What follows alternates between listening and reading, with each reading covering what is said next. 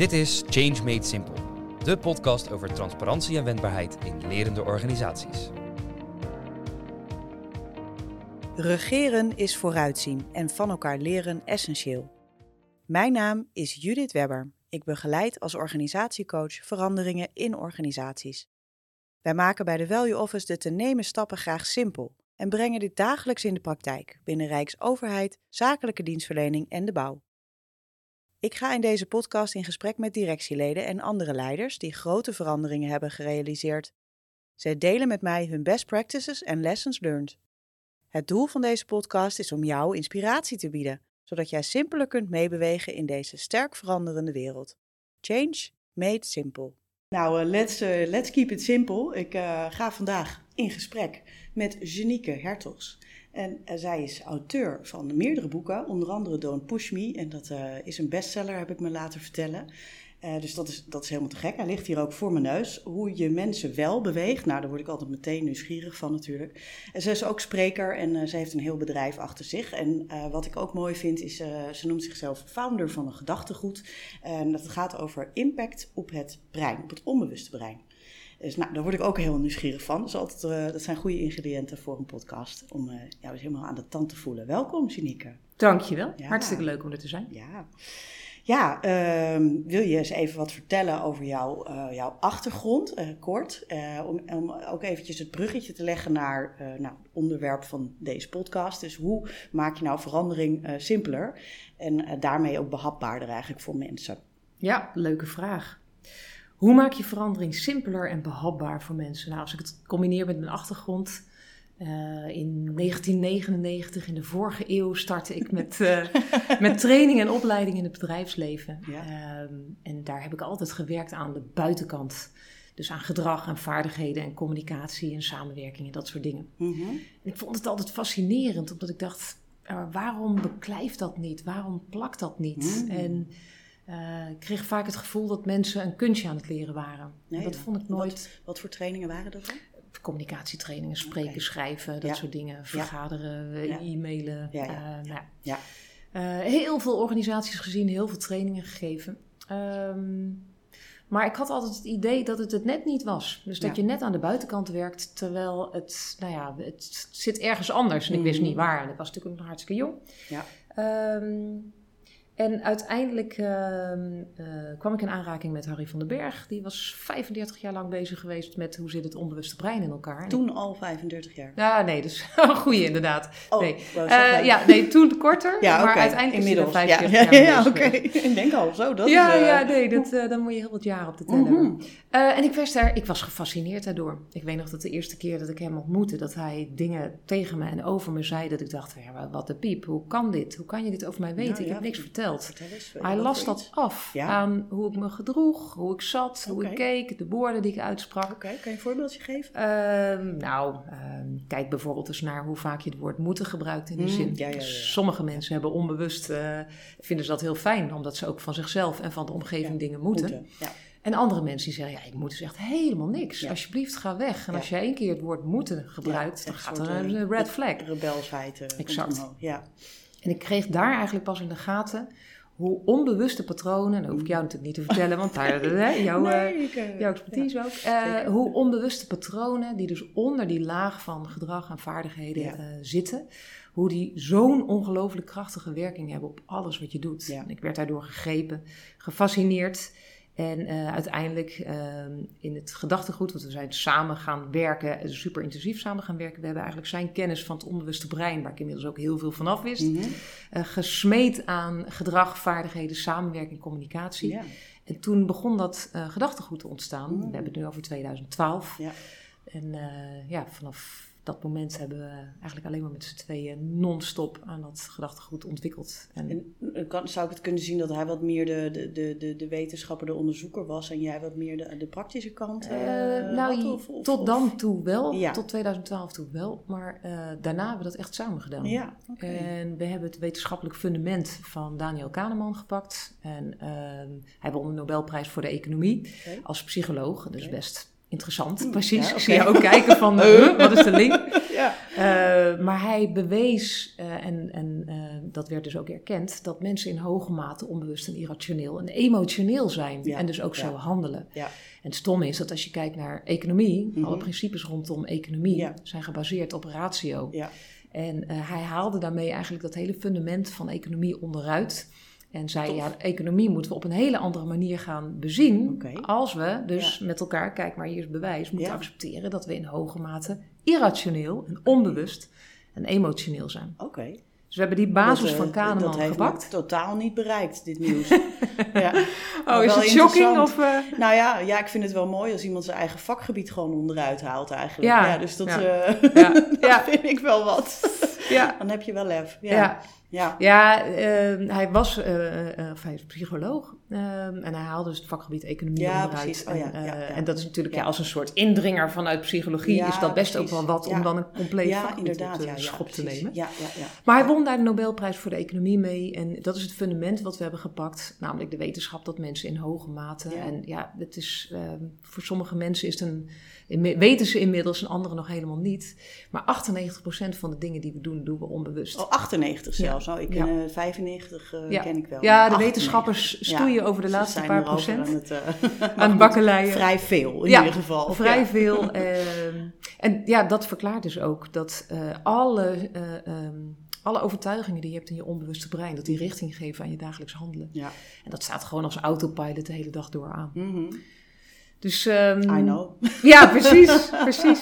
Ik vind het altijd wel de kunst inderdaad, hoe je dingen van het onbewuste naar het bewuste haalt. En Ja. daardoor ook een keuze hebt.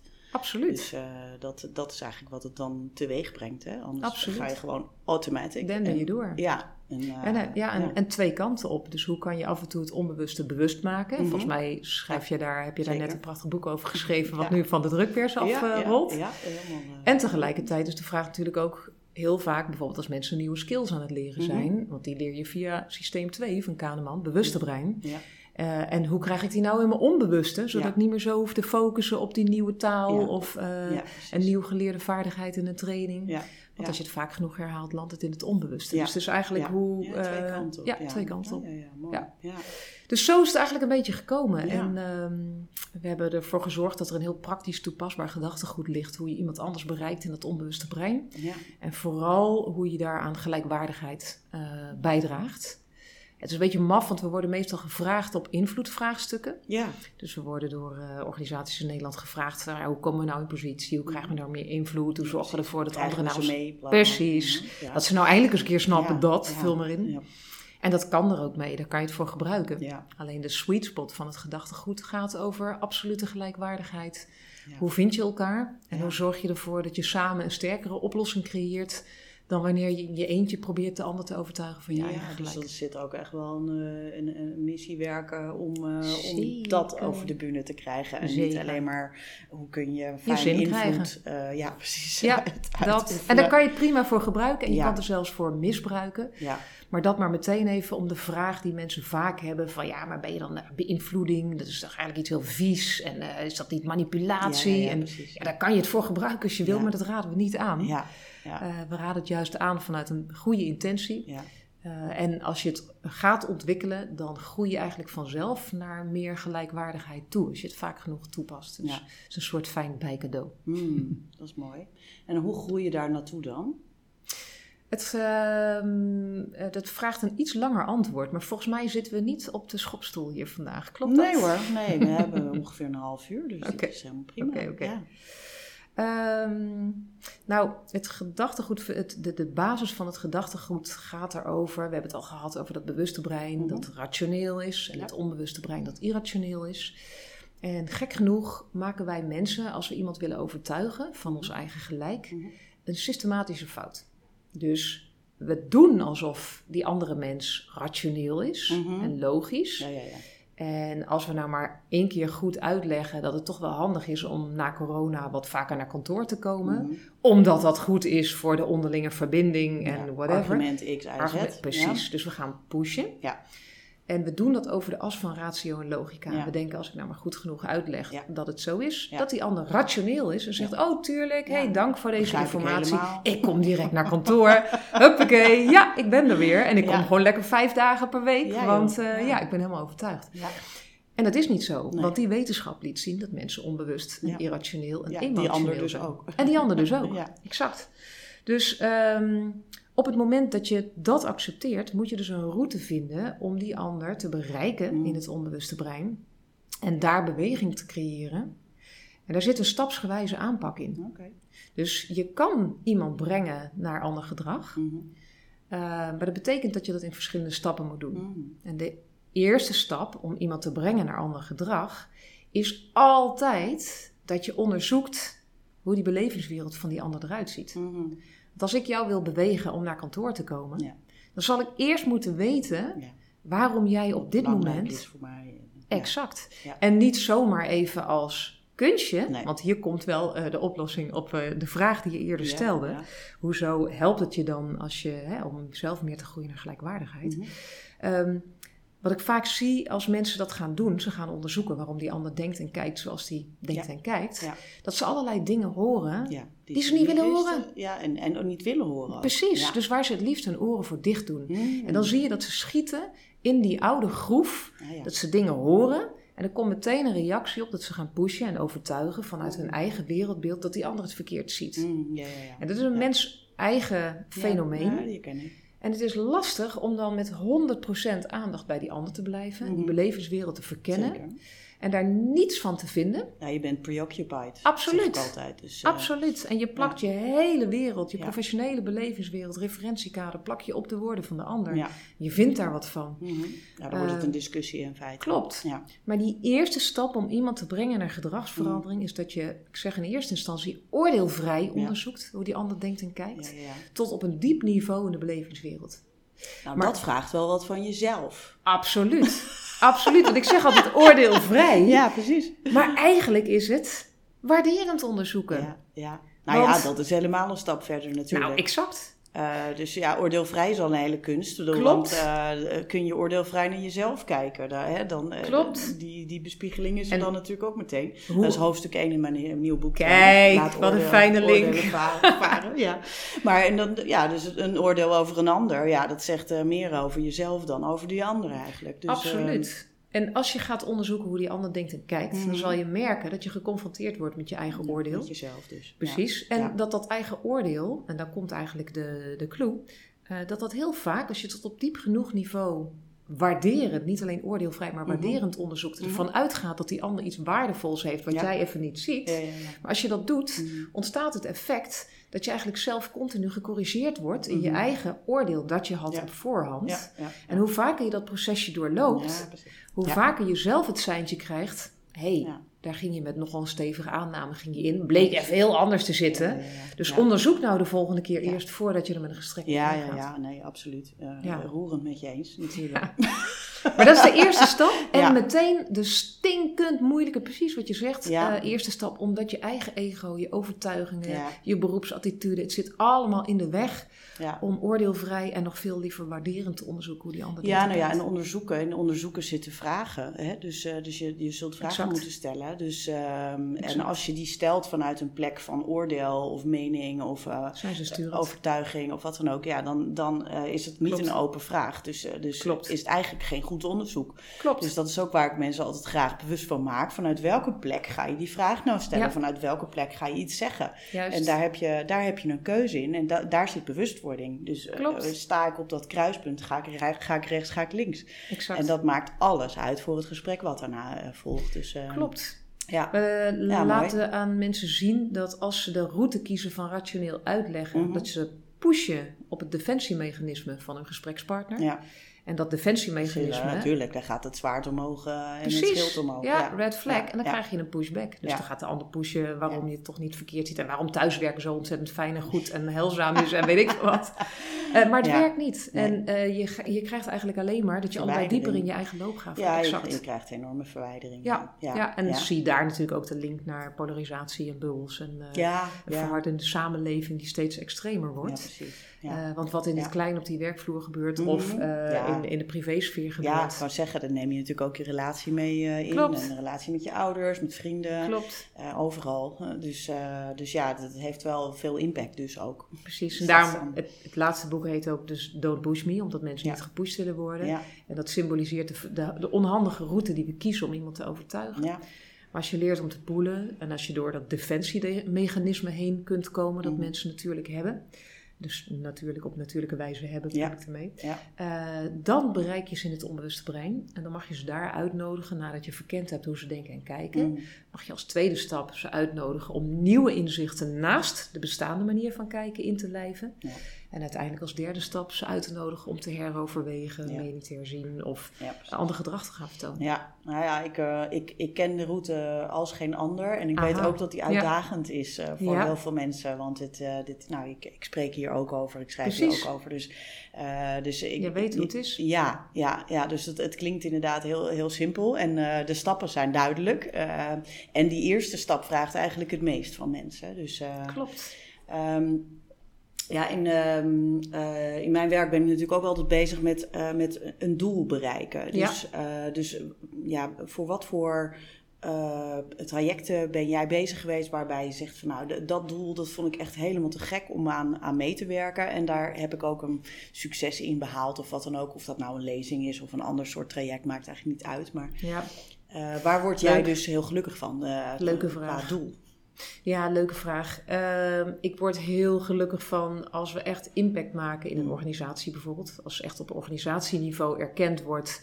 Oh, wacht eens, laten we via deze systematiek met elkaar gaan samenwerken. En dan zie je in één keer dat een bedrijf een vlucht neemt in medewerkertevredenheid, klanttevredenheid, noem maar op. Ja. En, en tegelijkertijd. hoe definiëren ze dat doel dan? Want het, dat, dat is natuurlijk wel uh, uitdagend. Precies, en dat is eigenlijk altijd heel vaag. Uh, dus dat is meer een gooi naar een richting. Maar daar wil ik eigenlijk niet naartoe. Want ik merk dat ik word persoonlijk het meest blij als ik één iemand raak die echt zegt: Oh mijn hemel. Ja. Oh mijn hemel. Als ik dit al eerder had geweten, mhm. had mijn leven er anders uitgezien. Of. Oh mijn hemel. Dus ik heb echt, waar ik dacht dat het nooit meer kon, heb ik echt verbinding gekregen met, ja. you, name it, familielid, vriend, vriendin, iemand die je hebt afgeschreven, weet ik veel wat. Ja, ja. ja dus echt een omslag. Absoluut. En hoe klein die ook is, als je mhm. kijkt op lokaal, mm. uh, nationaal of mondiaal niveau, denk ik, nee, maar daar word ik gelukkig van. Dan kan ik het verschil maken voor iemand. Um, en en de kwaliteit van relaties um, meer tot zijn recht laten komen. Ja, dat, dat, vind ik fantastisch. En ik vind het ook leuk om grote groepen op een podium uh, mm-hmm. uh, toe te spreken en overal uh, zaadjes te planten. Um, maar die voorbeelden, dat mensen echt zeggen: Oh, nu snap ik in één keer. Ja, daar ga ik aan. Daar kan ik kippenvel van op mijn armen krijgen. dat vind ik heel tof. En als je dat dan in een organisatie bijvoorbeeld doet, wat, wat voor veranderingen zie je dan? je ziet veranderingen waarbij veiligheid toeneemt. Mm Ehm, dus we worden meestal ingevlogen. Uh, kunnen jullie helpen om een uh, verandering soepel te laten lopen? Mm uh, ja, dat kunnen we. Ja. Um, en daar zit eigenlijk altijd het vraagstuk onder van hoe veilig is het voor mensen en ja. Ja. hoe open sta je als veranderaar om weer te onderzoeken wat de onbewuste weerstand is die leeft en hoe oké ben je ermee om dat bespreekbaar te maken, te agenderen, ruimte te geven. Want daar hoor je natuurlijk als, uh, als je aan de lat staat van de verandering, daar hoor je mhm. van alles waarvan je denkt, nee, maar als ik dit ruimte geef, mhm. podium biedt, dan gaat dit woekeren als een uitslaande brand en die krijg ik nooit meer gedoofd. Mhm, mhm. Alleen het stomme is, hoe meer je die brand laat woekeren, hoe meer het onbewuste brein van al die mensen zich gezien, gehoord, erkend, gewaardeerd voelt. En des te makkelijker is het om zo meteen, als die brand nog hevig aan het laaien is, de stap te maken naar het aanreiken van nieuwe inzichten. Ja, omdat namelijk, in de brand staat. Klopt, omdat ze gezien zijn en gehoord zijn. En gehoord zijn. Exact. Ja. En um, het maffe is, als we rationeel waren geweest, en dat krijg ik vaak ook terug van mensen die luisteren of die me opleiden, mhm. die zeggen van ja, maar Janieke, je kan toch niet zo'n brand laten uitslaan en dan hup, gaan naar stap 2, waarbij ze gaan nadenken over de voordelen van een mhm. reorganisatie. Ja. Nee, als we rationeel en logisch waren geweest, niet. Nee. Maar we zijn irrationeel en emotioneel en onbewust. En Ja. als dat onbewuste brein zich echt gezien, gehoord en erkend en gewaardeerd Mhm. voelt, dan huppelt het gewoon met je mee over nieuwe perspectieven en waarover ze willen nadenken Ja. naast de bestaande manier van En kijken. hoe ziet zo'n brand er dan uit, om het even praktisch te maken? Wat, wat, wat zie je dan? Dat mensen tot op het niveau van emotie, beleving durven te delen Mhm.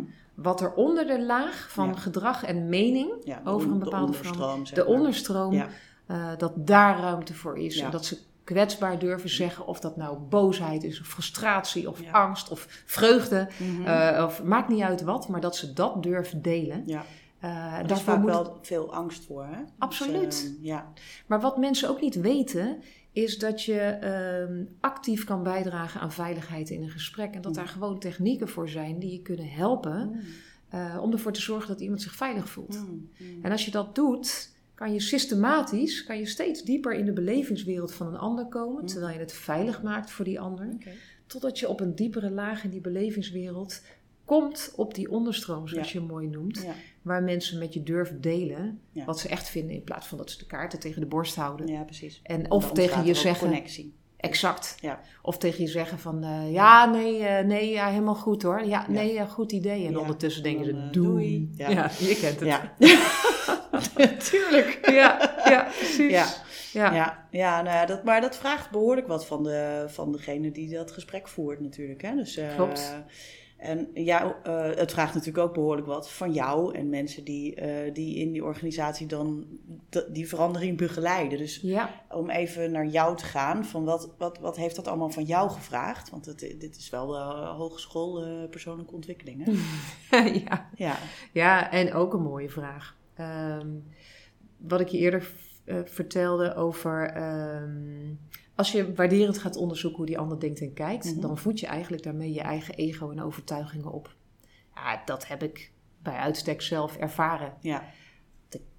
Vroeger. eh, Ja, van waar naar waar? Ja, Van waar naar absoluut. waar? Nou, ik, ik schrijf ook eh, volgens mij in het voorwoord ehm, dat ik vroeger als een havik boven een speelveld hing, boven een vergadering hing. En ik was gewoon gebrand op: oké, hier zit de fout. En ik Mm. kon echt eigenlijk zonder energie, inspanning, kon ik precies zien. Oh, maar wacht even. eh, hier moet gefocust worden, want anders ontstaat hier brand. Of hier staat een fout, of dat gaat mis. Of Ja. en ik deed dat zeg maar niet op een heel constructieve, leuke, aangename manier. want ik focuste helemaal niet op wat er goed was. Ik Hmm. focuste alleen maar op, ho, ho, ho, met de beste intentie. Ja. Jongens, hier gaat wat fout. verbeteren. En ik ging uitleggen, precies. Ja. Ik ging uitleggen en Ja. vertellen en wat er mis kon gaan en noem Ja. maar op. Vanuit mijn eigen onbewuste programmering. Ja. Ehm, Kritische ouder. ja, kritische ouder. Ja, precies. Ja, Ja. absoluut. Ja. En het perfect willen doen. Ja. En, eh, en eh, daar verantwoordelijkheid nemen die veel breder is dan eigenlijk bij me past. Mhm. Nou, ik zie al zeer... Ja, eh, ja, ja, herkenbaar. Ehm, maar op het moment dat je dat doet, registreren anderen voornamelijk... Oké, maar dat is een beetje een azijnzeiker. Want die, ja, die ziet alleen maar wat er niet goed is. Ja, Kom op, we doen toch heel veel goed. Ja. Dus je En kijkt dan, naar... dan, is het ook niet, dan kan je dat ook niet meer aannemen. Hè? Als je, Klopt, ja. Ja, dus als, als het niet in balans is, eh, eh, wat er goed is en wat er beter kan, dan, Klopt, zet je jezelf buitenspel. ja, dan Klopt. eh, ja. Klopt. Ehm, dus ik was een soort voorvechter van... eh, ik wilde eigenlijk overal voorkomen dat er iets mis zou gaan. Als er iets misging, wilde ik dat oplossen. ja. En ik Fixen. wilde in scenario's in de toekomst denken naar... Ja. wat kunnen we allemaal doen om te voorkomen dat dit nog eens een keertje gebeurt. Oh, Klinkt redelijk angstgedreven wel. Klopt, ja, ja, ja, Ja. absoluut. Ja, Ja. ik ben iemand die heel erg eh, altijd onbewust op zoek is naar eh, zekerheid. Inmiddels bewust op zoek naar zekerheid. Ja. Ehm, dus dat, dat Daar ik eigenlijk, nog van alles over vragen. Maar... Daar, daar, daar, ja, ja, leuk, leuk, leuk. Daar gaat het volgende boek over. Oh ja, precies. Ehm, eh, maar ik merkte dus, want ik deed dat natuurlijk vol pushend. Ja. Ik ging vertellen en Ja. uitleggen en adviezen geven en Mhm. argumenteren en tips geven en mijn mening geven. En daar word je geen leuke mens van, want eh, je wordt niet gezien als leuker mens. Nee. Omdat het onbewuste van de ander registreert. Jij praat over jezelf. Mhm. Jij vindt jezelf belangrijk. Jij vindt mij niet belangrijk. Mhm. En het onbewuste van de ander is zo simpel als een zo ongeveer zesjarig kind. Mhm. En die gaat gewoon verongelijkt in de hoek zitten en zegt: Ik vind jou stom. Ja, Want jij, eh, jij ziet me niet, je snapt me niet en je praat alleen maar over jezelf. ja.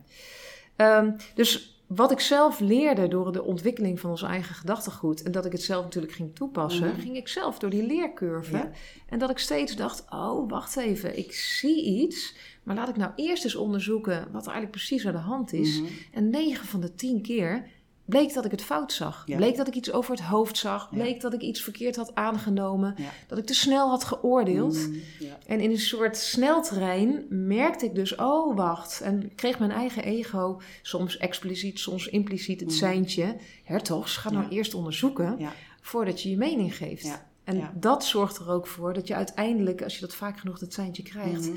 Dat je onbewuste Ja. eh, brein zelf geprogrammeerd wordt om te denken: oh, oké, ik ga gewoon vertrouwend op mijn eigen kracht. Ja. eh, ga Die ik er ook is. Die er ook is, precies. Belangrijk. hey, en ik heb wel een beeld, Ja. maar ik zet dat Ja. even uit en Ja, ik toets dat eerst.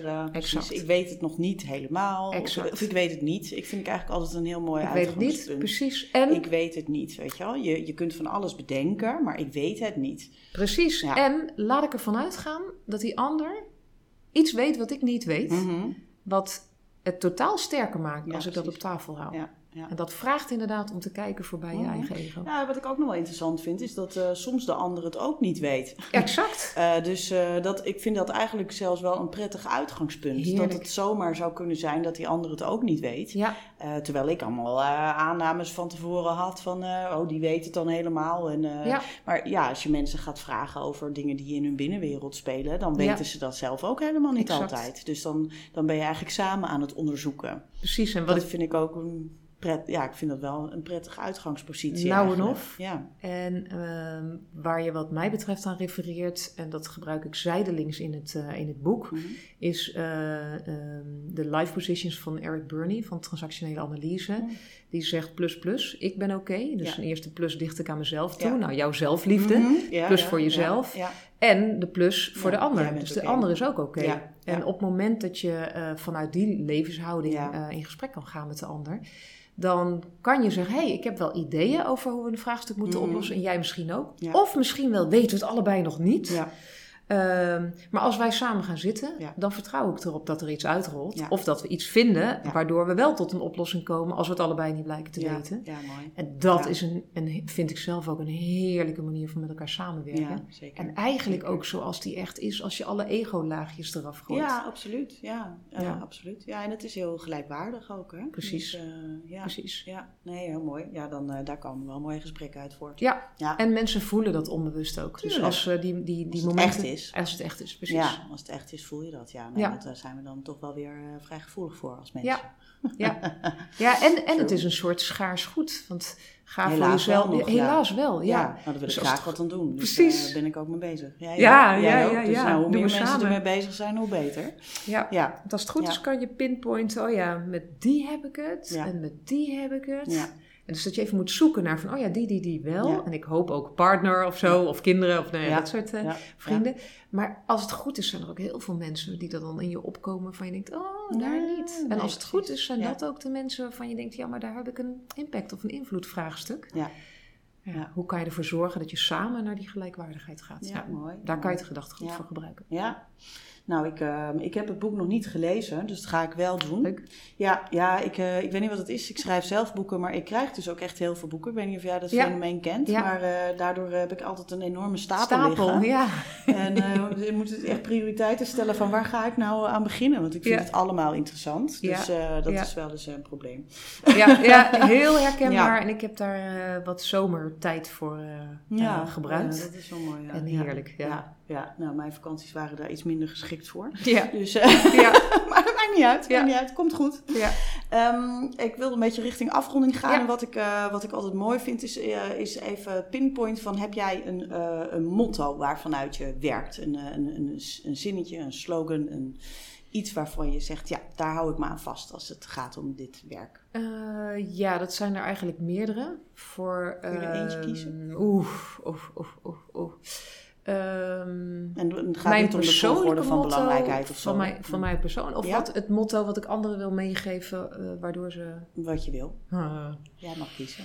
Mm, Leuk hè, want mijn bewuste brein is nu aan het processen, want mijn Ja. ogen gaan uit contact. Ja. Eh, en het bewuste brein is 200.000 keer trager dan eh, het onbewuste brein. Goed. ehm, Er komt op een gegeven moment een antwoord. Ja. en het antwoord is: ehm,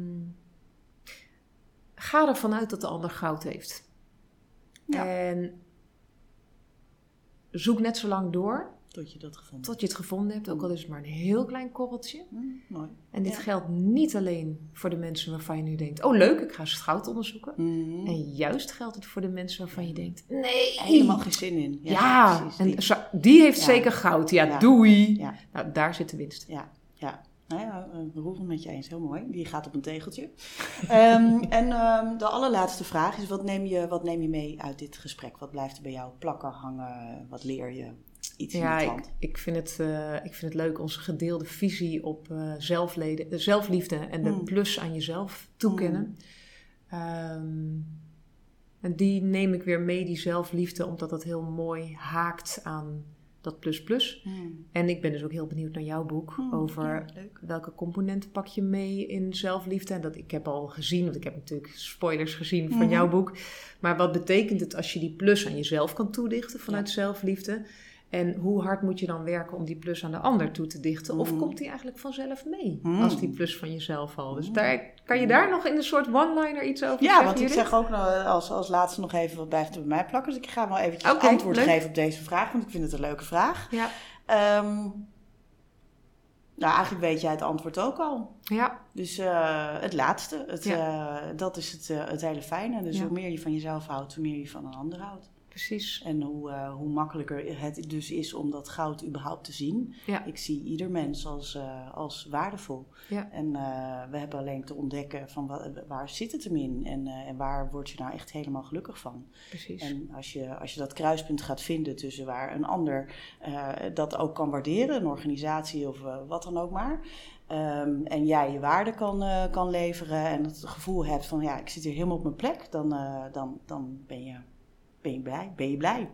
Volgens ja. mij zijn wij samen stapjes op weg aan het eh, zetten naar eh, wereldvrede, als ik het zo hoor. Zeker, zeker. Ja, weet je, wereldvrede begint bij vrede in jezelf. Zeker. Dus eh, ja, en zelfliefde is daar wat mij betreft inderdaad wel het antwoord op. Ja. Nou, ik kijk uit Dus, naar je boek. Ja, nou leuk. Ja, superleuk om elkaar verder te inspireren en, en samen de wereld mooier te maken. Dus, Let's do. Ja, dankjewel, Janiek. Jij ook.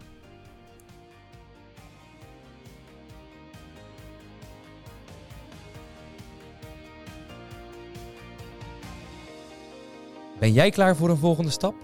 Kijk op www.thevalueoffice.com en neem contact op.